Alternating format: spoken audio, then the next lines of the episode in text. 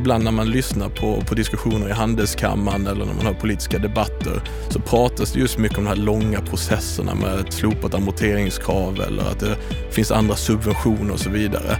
Det vi vill är att man ska veta att det finns en lösning på den här problematiken som ger lägre pris på bostadsrätter. Vi är en sådan. Eh, och det är inte så att det är någonting som kommer eller någonting som är en framtidsdröm. Det finns redan idag.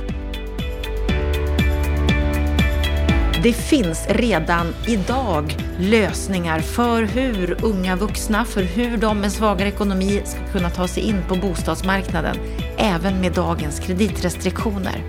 Idag ska vi lära känna BOSAM, en ny typ av bostadsrätt i Sverige som sänker trösklarna in på bostadsmarknaden, som gör det möjligt för många fler att köpa bostad. Vad det här innebär, ja, det ska vi prata om och djupdyka i idag. I dagens Bopolpodden då vi som vanligt vill fördjupa oss inom ett speciellt ämne och nu är det just det här nya konceptet som vi ska förkovra oss i. Och efter samtalet då kommer du att få möta Lennart Weiss och höra hans kommentarer om BOSAM, vad han tycker om konceptet och är det så att det här är ett koncept som fungerar även om det skulle vara så att kreditrestriktionerna släpps på? Mm, det ska vi diskutera idag.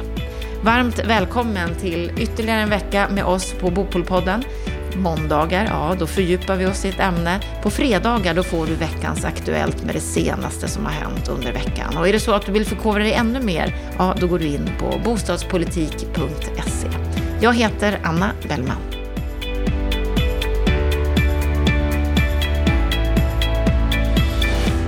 Unga vuxna ska ha möjlighet att komma in på bostadsmarknaden, ja det är ju ett återkommande ämne för oss här i Bopolpodden och det är ett ständigt närvarande ämne i den bostadspolitiska debatten. Och det finns ju en hel del initiativ från olika marknadsaktörer för att lösa den här problematiken. Några har vi berättat om här i podden och för vissa fungerar det bra som HSB och OBOS medan andra har haft det svårt att gå ihop som väl fastigheter som ju har gått i konkurs.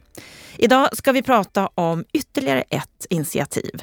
BOSAM, en ny bostadsrätt i Sverige som ska sänka trösklarna in på bostadsmarknaden och göra det möjligt för många fler att köpa en bostad. Detta genom att priset för en bostadsrätt blir 50 till 70 procent lägre än för en traditionell bostadsrätt. Hur det ser ut och ska fungera ska vi prata om nu. Varmt välkommen till Bopolpodden, Timmy Andersson. Tack så jättemycket. Vad är din sinnesstämning idag? Eh, försiktigt positiv skulle jag säga och glad framförallt. Det, det är roligt nu när det dragit igång igen efter, eh, efter julledigheten. Så det, det kommer bli ett spännande 2022 nu när vi ska accelerera på riktigt här. Så det ska bli superkul. Du är kommersiell chef. Det kan man säga, kommersiell chef, affärschef och, och delägare i Bosam. Och ni startade för drygt två år sedan? Precis, Bosam som bolag grundades då 2019. Eh, sen kom jag på under 2021 då, eh, men två år gammalt är det ungefär. Men din start var på McKinsey, eller du kommer därifrån som managementkonsult. Hur kommer det sig att du valde att gå in i Bosam? Ja, eh, jag pluggade ju civilingenjör inom industriell ekonomi i, Lund eh, till en början och efter det så var det så många andra eh, vägar in på olika konsultbyråer som gällde. Eh, och då valde jag McKinsey och där så gjorde jag massa olika saker. Men de tre, fyra sista åren av min resa där så fokuserade jag nästan uteslutande på just bygg, fastighets, infrastrukturrelaterade projekt. Um, och jag servade klienter tvärs hela värdekedjan egentligen, så jag fick en ganska bra bild om vad som funkar och framförallt vad som inte funkar i varje led. Så jag jobbar med de stora byggarna, med betongtillverkare, med fönsterkomponentstillverkare, med materialdistributörer. Och på slutet så jobbar jag väldigt mycket med just fastighetsutvecklarledet. Och då är det ju som alltid när man pratar bygg, liksom produktivitetsutmaningar. Hur kan vi bygga mer produktivt, mer i fabrik, skeppa till sajt, badrumspoddar, moduler och så vidare. Men vi brottas också mycket med just hur man kan göra det skapa incitament för att bygga till unga vuxna och liksom hjälpa dem in på bostadsmarknaden och bygga liksom till lägre pris. Och vi brottas med de här frågorna fram och tillbaka. Eh, kom inte egentligen några riktigt bra svar, men under den här tiden när jag jobbade som mest med de här frågorna så fick jag mer kontakt med, med Jesper Gustafsson som är VD i, i Bosam och en gammal vän till mig från, från Skåne. Eh, han berättade om Bosam eh, och då kände jag bara att oj, eh, här är ju lösningen på många av de problem som jag diskuterar med mina klienter. Och det är kul att vara med och skapa skillnad och göra någonting från grunden. Så då, då valde jag att hoppa på det här helt enkelt. Och mot bakgrund av det du då kan och, och har erfarit, hur ser du på bostadsmarknaden idag? Alltså, det är ju, om man då skulle ta utgångspunkt i liksom, unga vuxna, um, det jag hela tiden faller tillbaks till, det är när man kollar på gruppen unga vuxna och, och liksom de rapporter och undersökningar som finns, så, så är faktum att merparten av dem, jag tror 95 procent är en siffra som, som brukar återkomma, drömmer om att äga sitt boende. Alltså man vill primärt inte hyra, utan i slutändan så vill man äga sitt boende. Om det är så en villa, ett fritidshus eller en bostadsrätt. Men man vill äga sitt eget hem och känna att det är ens eget. Um, men när man kollar på hur den svenska bostadsmarknaden ser ut och just gruppen unga vuxna så är det endast två av tio som har de förutsättningar som krävs för att kunna köpa en bostad och komma in på bostadsmarknaden. Ehm, nästan uteslutande i alla de fallen så är det för att du, du har turen att ha föräldrar som kan hjälpa till med en kontantinsats eller kanske toppa upp det egna bolånet och på så sätt hjälpa till med en kontantinsats. Men det betyder då att åtta av tio unga vuxna helt saknar möjligheten att köpa en bostad och komma in på bostadsmarknaden. Um, och det är i grunden det som är problemet. Och, och varför ser det ut så då kan man fråga sig. Um, bostadsbrist och skenande bostadspriser, framförallt i Stockholm de senaste åren, har ju inte hjälpt till. Men när vi gör analyserna på vad, vad är orsakerna till det här så kommer det fram två saker. Det ena är just kravet på kontantinsats. De här unga har inte 200-300 000 sparat som man kan lägga på en bostad. Alltså när man kollar på folk med vanliga jobb som poliser, lärare, sjuksköterskor och så vidare. Um, så det är den faktorn som exkluderar absolut merparten av den här. Um, en annan faktor som exkluderar också, det är liksom bankernas striktare krav på, på, på banklån, att du ska klara av en amortering på upp till 3% eller du ska klara av en stresskalkylränta på 7% och så vidare. Det är också en faktor som exkluderar lite, men det är primärt kontantinsatsen som är problemet. Och, och, det finns ju som, som, du var inne på en hel del olika lösningar och innovativa idéer. Ja, det går väl inte en enda dag utan att i någon typ av medialt sammanhang pratas om vilket problem det här är. Um, men lösningen man pekar på är ofta liksom, ja men vi behöver slopa ett amorteringskrav eller vi behöver ha ett startlån för unga vuxna. Långa politiska processer. Um, och här har vi helt enkelt bara försökt utgå från de ramar och den liksom de lagar och liksom ramar som finns och försökt skapa någonting som funkar och står på egna ben och inte beroende av subventioner egentligen. Um, så det är liksom grunden i det vi, vi gör.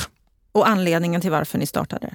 Precis, så anledningen att vi startade är just liksom att det krävs en, pus det är en pusselbit här som saknas, som inte är det här andra, utan någonting som står på egna ben och som kan hjälpa de här unga vuxna in och tackla grundproblemet, som då är att bostadsrätter är för dyra. Hur löser vi det? Det är anledningen att vi finns. Och ni är ju alltså 50 till 70 procent billigare ja. än övriga bostadsrätter. Det låter ju för bra för att vara sant. Ja, eh, det tyckte jag också när jag hörde det för första gången. Eh, alltså det vi gör och det vår modell bygger på, det är att vi utgår från att vi tar den del som i den stora finansieringsdelen idag, den ligger på individen. Alltså individen, när man kollar på en fastighet, ja men då finansieras 70 procent av den med individens kontantinsats och privata bolån. Och det vi gör egentligen, det är vi byggt en modell som förflyttar en större del av den insats som ligger på individen till bostadsrättsföreningen. Så att istället för att bostadsrättsföreningen då står för 30 procent av finansieringen med sitt föreningslån, så står bostadsrättsföreningen i våra föreningar till 70 procent för finansieringen. Vilket innebär då att individernas insats i det här är då 30 procent med sitt banklån och sin kontantinsats.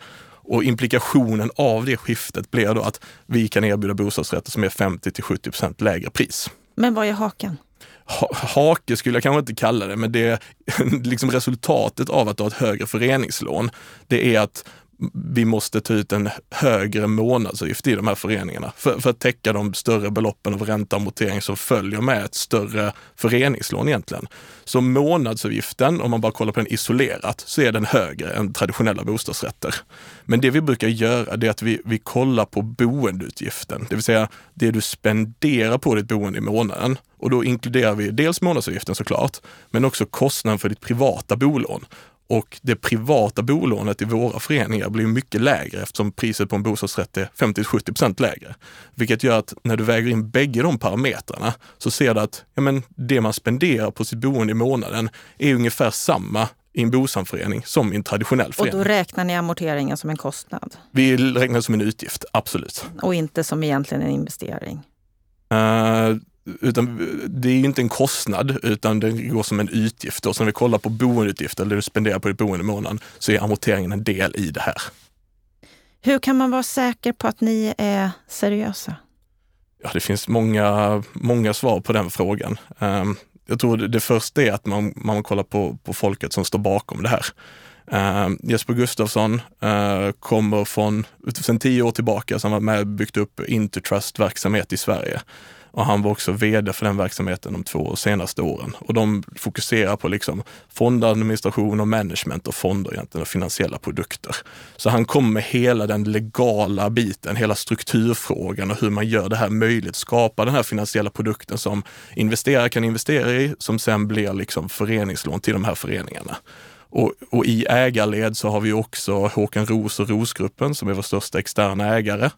Um, i styrelsen har vi även Henrik Retzén som kommer från, han är styrelseordförande och kommer från senast CFO på SJ, också varit CFO för Carnegie och sitter i fjärde AP-fondens styrelse. Och vi har också Agneta Jakobsson som sitter i styrelsen för AMF Fastigheter. Ehm, så det är tunga namn, bra personer som står bakom det här. Det är väl en sak.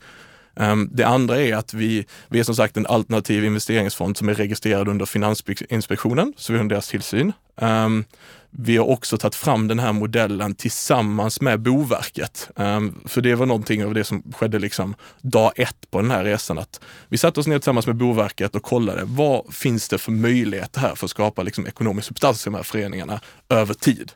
Så då utvecklar vi den här modellen tillsammans med dem, eh, vilket också gör att alla våra kostnadskalkyler och ekonomiska planer, det säkerställer vi att de blir intygsgivna så att det, det är säkert för, för föreningarna och allting.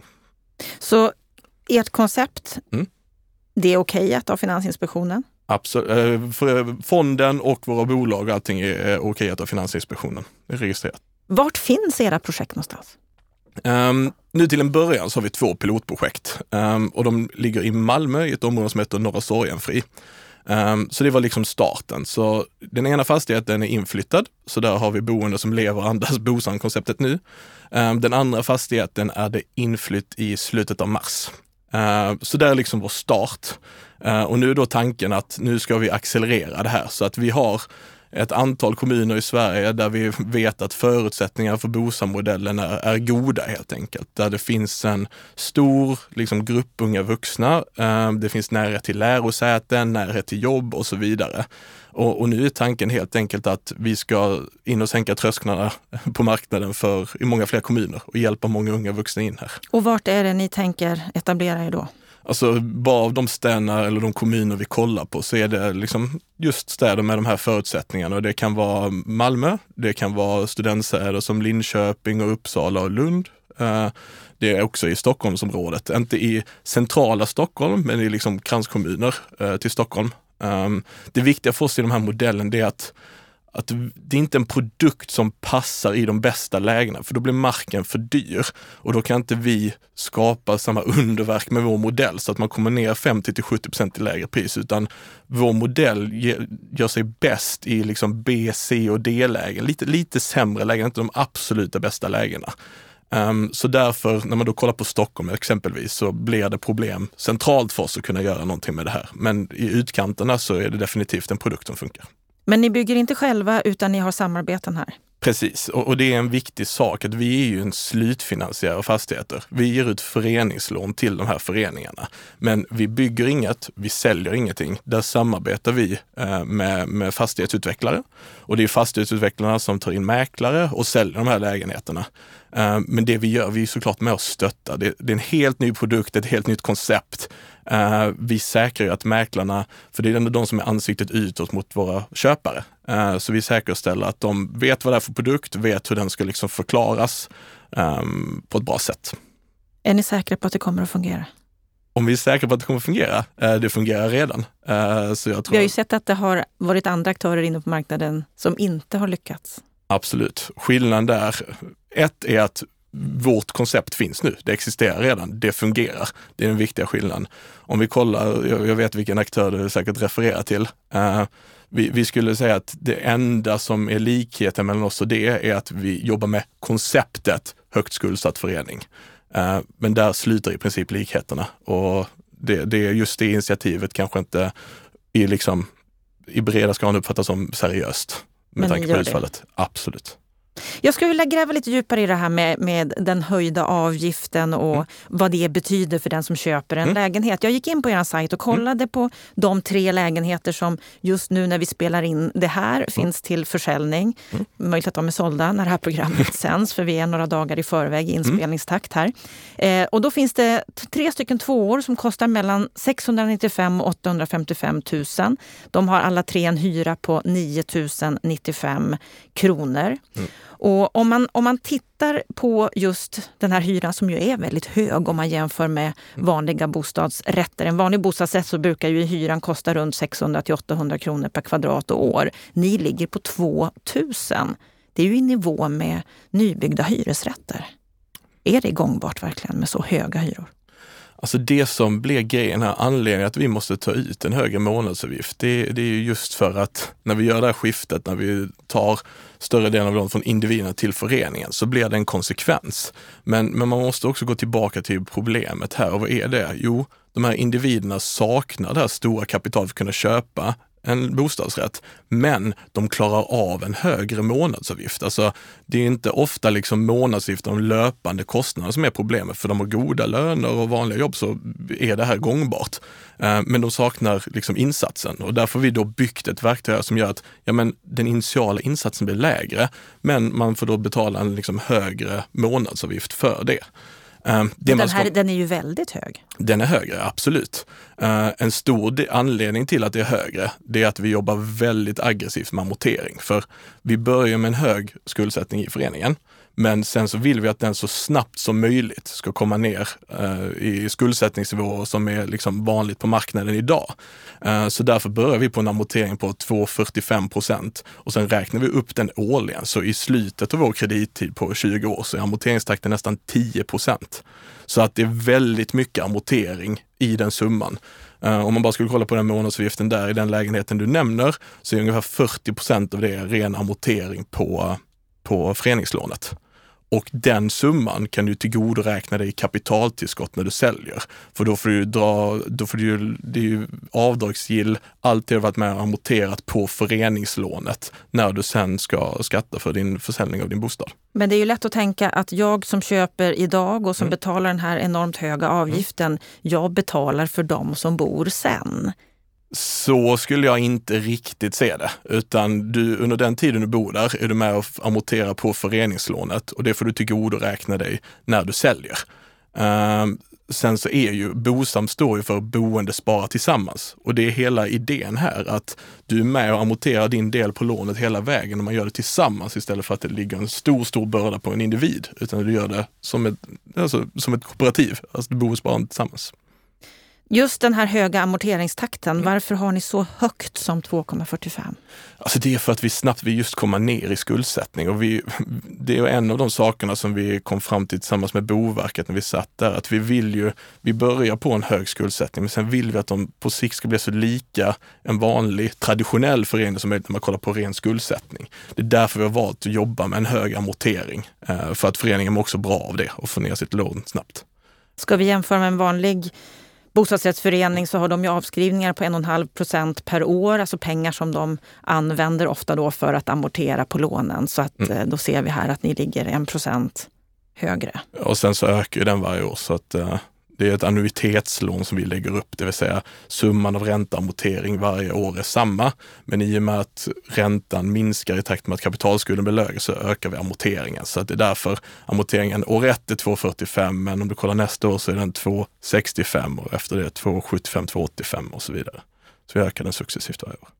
Hur ser refinansieringen ut?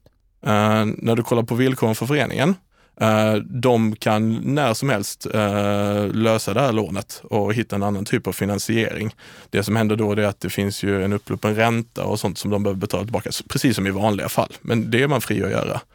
Um, och vi kan under vissa förutsättningar, ifall vi är under en viss LTV-nivå på fastigheten och i det fall då vi kan hitta bättre villkor för föreningen, alltså en, en bättre finansiering för föreningen. Och med det menar vi lägre belopp av, av ränta och amortering så att man kan sänka månadsavgiften. Då kan vi göra en refinansiering av det här också.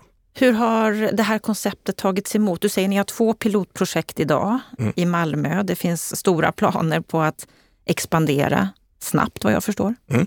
Hur har det tagits emot, konceptet? Uh, det, är, det är många olika många olika liksom grupper vi riktar oss till. Köparna, uh, om vi börjar där, uh, de unga vuxna, när man pratar med dem och när man liksom hör historier så är det väldigt, de är väldigt tacksamma att ja, men helt plötsligt kunde jag köpa min bostad. Jag kom in på bostadsmarknaden, nu äger jag mitt hem.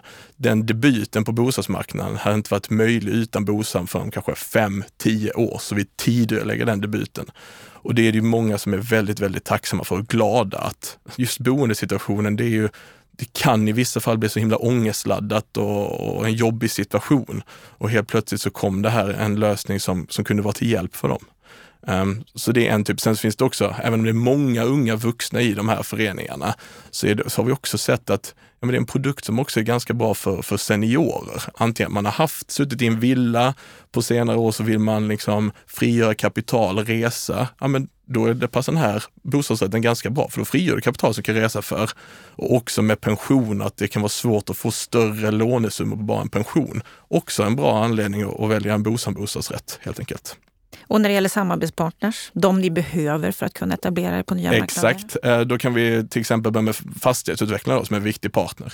Um, det finns många, de ser många fördelar med det kan man säga. Och det är en sak som är att vi öppnar upp en helt ny marknad och potentiella köpare. De här personerna kan inte köpa idag och hade inte köpt en bostadsrätt idag. Helt plötsligt får du tillgång till den här marknaden, vilket de ser som väldigt positivt. Väldigt lite kannibalisering på din nuvarande kundgrupp, utan en ny adresserbar marknad, positivt. Det andra skulle jag säga är att de får ehm, en produkt som just funkar i B, C och D-lägen och ökade möjligheter att vinna direktanvisningar i, bra lägen. Till exempel, det finns några exempel från Malmö när eh, när en fastighetsutvecklare är intresserad av att bygga en, en hyresfastighet i oljehamnen, prime location, och kommunen säger absolut, men då vill vi att ni bygger även bostadsrätter i det här C-läget. Och då har tidigare inte det varit möjligt för att men, jag kan inte bygga en bostadsrätt där för att det kommer inte sälja. Helt plötsligt får de en produkt med ett väsentligt lägre pris den går att sälja där. Så det är dels att du får en produkt som du kan sälja i de här lägena och dels så kan det hjälpa dig att vinna andra markanvisningar. Så det är väl liksom de fördelar som primärt fastighetsutvecklare ser. Hur snabbt kommer ni att expandera? Ja, det, det, är, det är såklart många faktorer. Vi, vi rör oss jättesnabbt. Uh, så nu, nu sitter vi i ett stort antal dialoger med fastighetsutvecklare uh, och vi räknar på projekt och ser vad det kan passa och så vidare.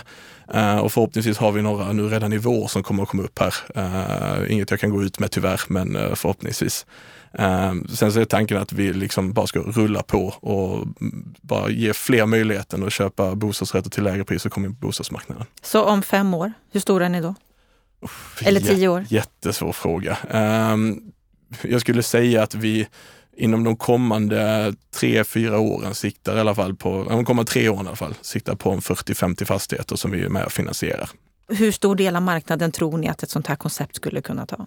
Vi skapar ju en helt ny marknad. Vi skapar en ny, liksom, en ny produkt som skapar en ny marknad så att vi utökar den marknaden som finns egentligen. Um, här har vi jobbat tillsammans med evidensgruppen uh, som har stresstestat och verifierat vår modell. Och liksom, vad, vad kan den här skapa då? Och då såg de att i Eh, de, vi har 21 nyckelkommuner då som har de förutsättningar som krävs för att, som, för att bostadsmodellen ska funka bra helt enkelt. Och de har gått in via intervjuförfarande i de här kommunerna och sett ja, men hur, hur många bostäder eller hur många potentiella nya köpare skapar vi här?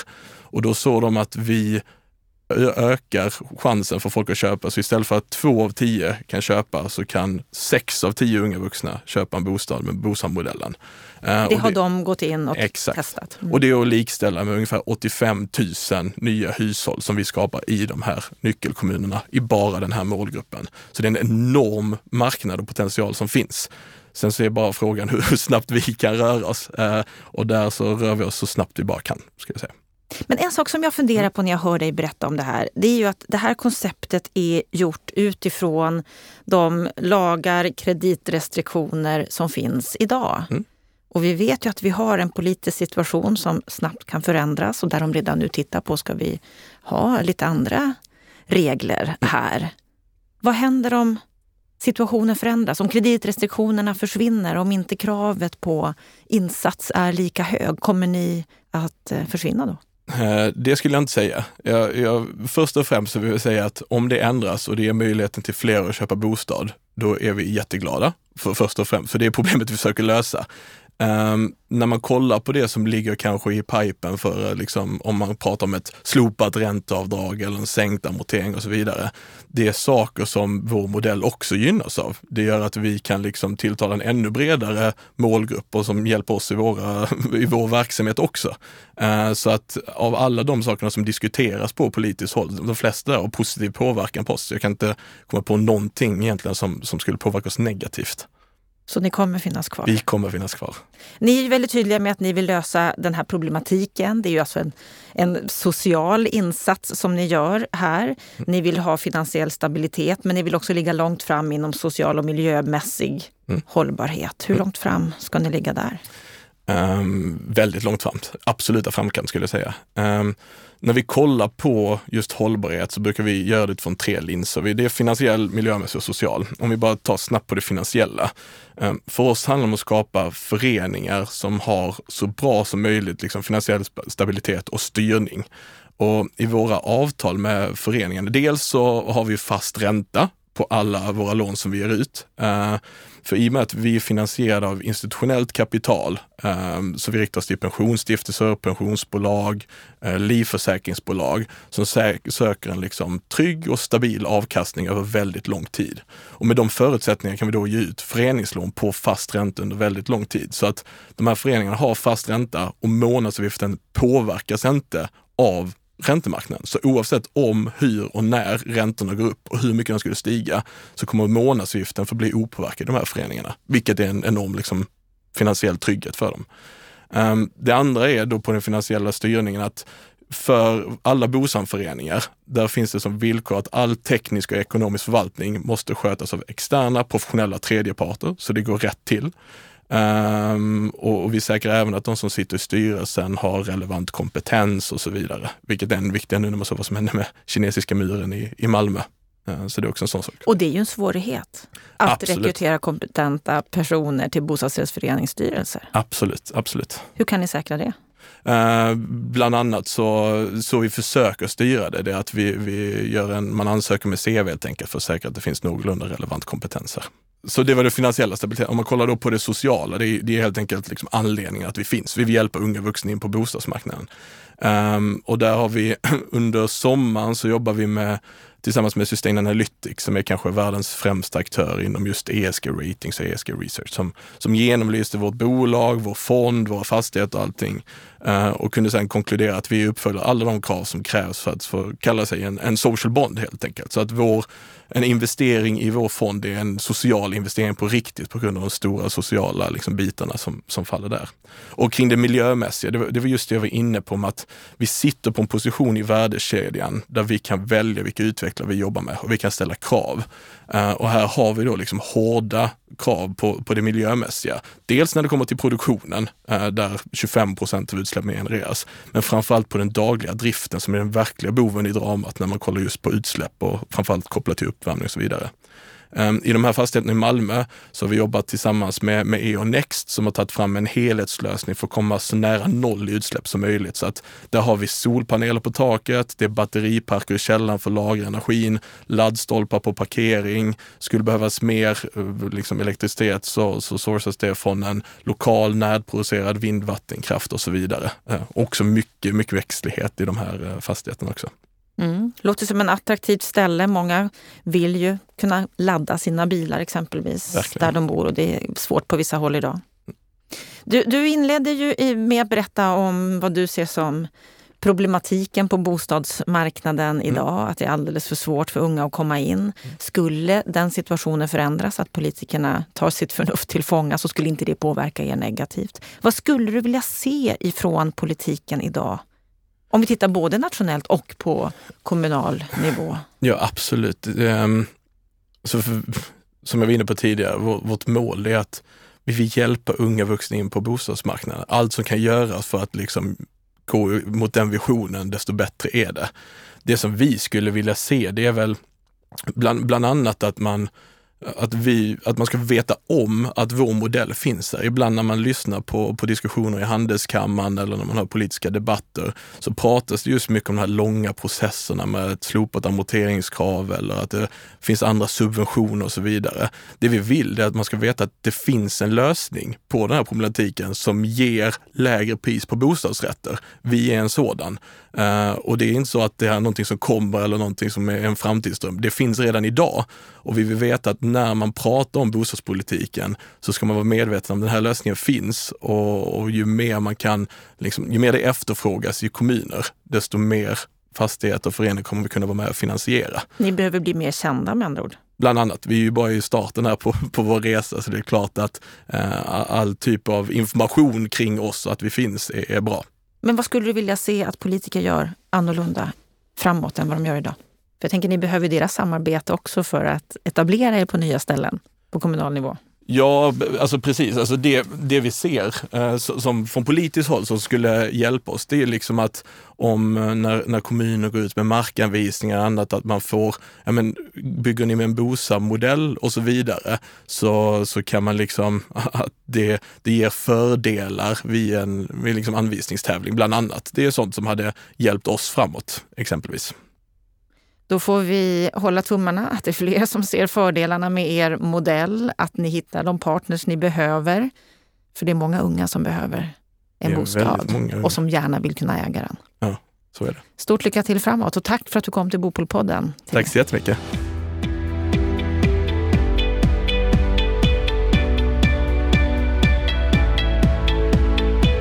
Då har vi hört samtalet om den nya modellen där unga, de med svag inkomst, ändå ska kunna ta sig in på bostadsmarknaden. Vad säger du om Bosams koncept, Lennart Weiss? Ja, för det första, det, är ju, det var här var en väldigt intressant intervju. En mycket vältalig ung man som du, du hade eh, framför mikrofonen och som dessutom presenterar ett väldigt innovativt och intressant koncept. Jag tycker den första iakttagelsen man kan göra det är att det växer fram den här sortens eh, förslag till lösningar idag Just därför att politiken är handlingsförlamad. Ehm, vi hade, vi hade ett inslag i Bopolpodden bara för några månader sedan om, om Bokop, som man kan säga är en parallell. Det finns vissa likheter för hyresmarknaden och här kommer ett koncept som så att säga ska sänka trösklarna att ta sig in på ägarmarknaden. Jag tror att de har hittat en konstruktion som faktiskt kan fungera och eh, i varje fall spela en viss roll på marginalen när det gäller bostadsrättsmarknaden.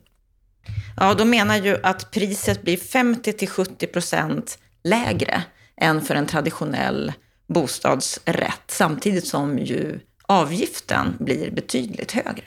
Ja, precis. Och det, det de ju gör det är att de omfördelar eh, kapitalkostnaden från hushållet till bostadsrättsföreningen.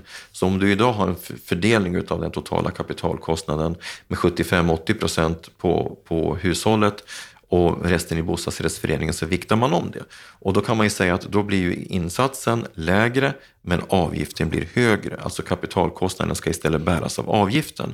Och då kan man ju säga att det blir lättare att ta sig in men, boende, men, men, men precis som han ju själv säger då Timmy så handlar det om den totala boendeutgiften och den blir ju naturligtvis ganska hög. Den liknar ju i stor utsträckning, i varje fall initialt, kostnaden för att gå in i en nyproducerad hyresrätt. Men över tid så får du ändå fördelar av att du äger din egen bostad i takt med, och, och, och, och ökar så att säga sparandet i, i din bostad i takt med att bostadsrättsföreningen amorterar på sina lån. Men just detta med avgiften som är så otroligt hög, jag ifrågasatte ju det här i programmet, att det blir 2 000 kronor per kvadrat, vilket ju kan liknas vid en nybyggd hyresrätt. Varför ska man gå in i det här konceptet och betala en sån otroligt hög avgift? Därför att i takt med den ekonomiska utvecklingen i takt med, och i takt med att bostadsrättsföreningen amorterar och, och det framgår ju av programmet att man amorterar väldigt aggressivt. Man amorterar minst en procentenhet över dagens marknadsränta och den ökar i en sorts annuitet som är, som är då är baktung. Eh, så innebär det ju att bostadsrättsföreningarnas kapitalbelastning kommer att minska efterhand. Och i takt med att den minskar, då kommer man ju också att kunna minska, eh, reducera avgifterna. Så att eh, på sikt så kan man ju säga att den enskilde bygger upp en tillgång i sitt boende på samma sätt som med dagens bostadsrättsförening. Men den skillnaden att då måste du gå in med mycket eget kapital upfront. Här går du in med mindre kapital upfront men du bygger upp istället värde i din bostad genom att bostadsrättsföreningen blir allt mer solvent. jag tycker det är en intressant modell och, och, och, på det sättet man har byggt upp den här så tycker jag också att man har löst det problemet som innebar att Wells 2.0, som ju var ett likartat koncept, stod på öronen. Därför att där var det ju en väldigt stor osäkerhet om hur man skulle klara refinansieringen efter 20 år. Men här kan man ju var ganska säker på att refinansieringen kommer ju inte bli något större problem i och med att bostadsrättsföreningens kapitalbelastning kommer att minska så pass kraftigt. Det kommer ju bygga upp tvärtom en, en väldigt eh, solid buffert. Så att man har ju skapat en modell som skapar mer robusta och livskraftiga bostadsrättsföreningar än Wells lyckades göra. Så på det sättet så tror jag att konceptet är väldigt väl genomtänkt. Så det är ett stabilt projekt att gå in i? Jag, känner, jag skulle inte känna oro som konsument själv att gå in i det. Sen eh, beror det helt på var man befinner sig i livet. Jag menar, om du har möjligheter att eh, med kontantinsats genom att belåna någon annan belåning, eh, genom att ta upp lån någon, via någon annan belåningsbar tillgång så skulle jag ju själv hellre göra det och, och ha en större del av tillgången själv. Jag tror att det förenklar Eh, Eh, för marknaden att förstå vad man egentligen köper i samband med en överlåtelse. Så att det kommer väl ta lite tid kanske för marknaden att förstå det här att eh, det är en lit, låg kapitalinsats hos den första köparen och en högre bostadsrättsföreningen. Å andra sidan vi har ju haft så här historiskt. Jag menar, går du 40 år tillbaka i tiden så låg, i varje fall i HSBs fall, 97-98 procent av finansieringen i bostadsrättsföreningen och, väldigt lite hos hushållen. Det gick att omsätta bostadsrätter på den tiden också. Man lärde sig bara hur systemet fungerade. Eh, och det kommer man att göra här också. Man kan också säga att bostadsrättsföreningarna i någon sorts mening blir mer kooperativa genom att en större andel utav Eh, finansieringen ligger i föreningen. Det blir alltså ännu mer angeläget att som bostadsrättshavare vara intresserad av inte bara den egna lägenheten utan också hela föreningens förvaltning. Så på det sättet så kommer du nog att se ett större medlemsengagemang i de här föreningarna och det är inte negativt. Så att, eh, jag tycker faktiskt att det här är väl genomtänkt, eh, väldigt kreativt genomtänkt och när jag har lyssnat på det här och, och, och tittat på det lite bakgrundsmässigt så kan jag inte se några uppenbara nackdelar mer än att det är precis det du säger, att den totala avgiftsnivån blir ju hög och liknar i stor utsträckning hyresrätten. Men det finns en skillnad. En hyresrätt med en hög hyra innebär att du betalar hyran och därmed ska vi säga kravet på avkastning på eget kapital till en fastighetsägare, en kommersiell aktör. Här betalar du ändå till dig själv. Så du bygger upp ett sparande. Jag menar, sparandet i bostadsrättsföreningen är också ditt sparande. Och det ska man inte glömma bort, det är en stor fördel. Om det skulle visa sig att de kreditrestriktioner som finns på marknaden idag försvinner eller delvis tas bort, finns det ändå utrymme för det här konceptet? Ja, det är ju frågan. Alltså, han parerade ju det på ett intelligent sätt och menade på att eh, de förändringar som, som ligger i korten idag skulle gynna även det här konceptet. Det vågar inte jag kommentera därför att man kan tänka helt enkelt i så många handlingsalternativ. Men man skulle ju kunna säga så här att om man, om man skulle införa ett system imorgon med till exempel femårig amorteringsfrihet som finns i Nederländerna till exempel. Och att man eh, införde ett subventionerat bosparande och att man hade startlån. Att man tog bort eh, amorteringskrav 1 och 2 Eh, och istället gjorde hushållens eh, krav på amorteringar baktunga istället för, som idag framtunga. Då tror jag att efterfrågan på det här konceptet skulle minska. Å andra sidan så ligger det inte i korten inom överskådlig tid att politiken skulle vidta sådana åtgärder. Så jag tror inte att de behöver vara särskilt rädda för det. Men eh, man kan ju säga att i den meningen så kan det finnas en viss politisk risk för deras koncept. Men där får man väl tro dem då att deras ändamål är ju ändå att i ytterst sänka ribban för hushåll som vill komma in. Och skulle det vara så som du säger då, att det skulle skapa problem för deras affärsidé, så är de här killarna så kreativa att de kommer på en ny ganska snart. Ja, det är spännande att följa och det är spännande att se nya koncept som kommer på marknaden. Tack för att du har lyssnat på Bopolpodden den här dagen, den här veckan. På fredag då är vi tillbaka igen med veckans Aktuellt. Det senaste som har hänt på marknaden och som har skrivits om i media. Med detta då önskar vi dig en riktigt trevlig vecka.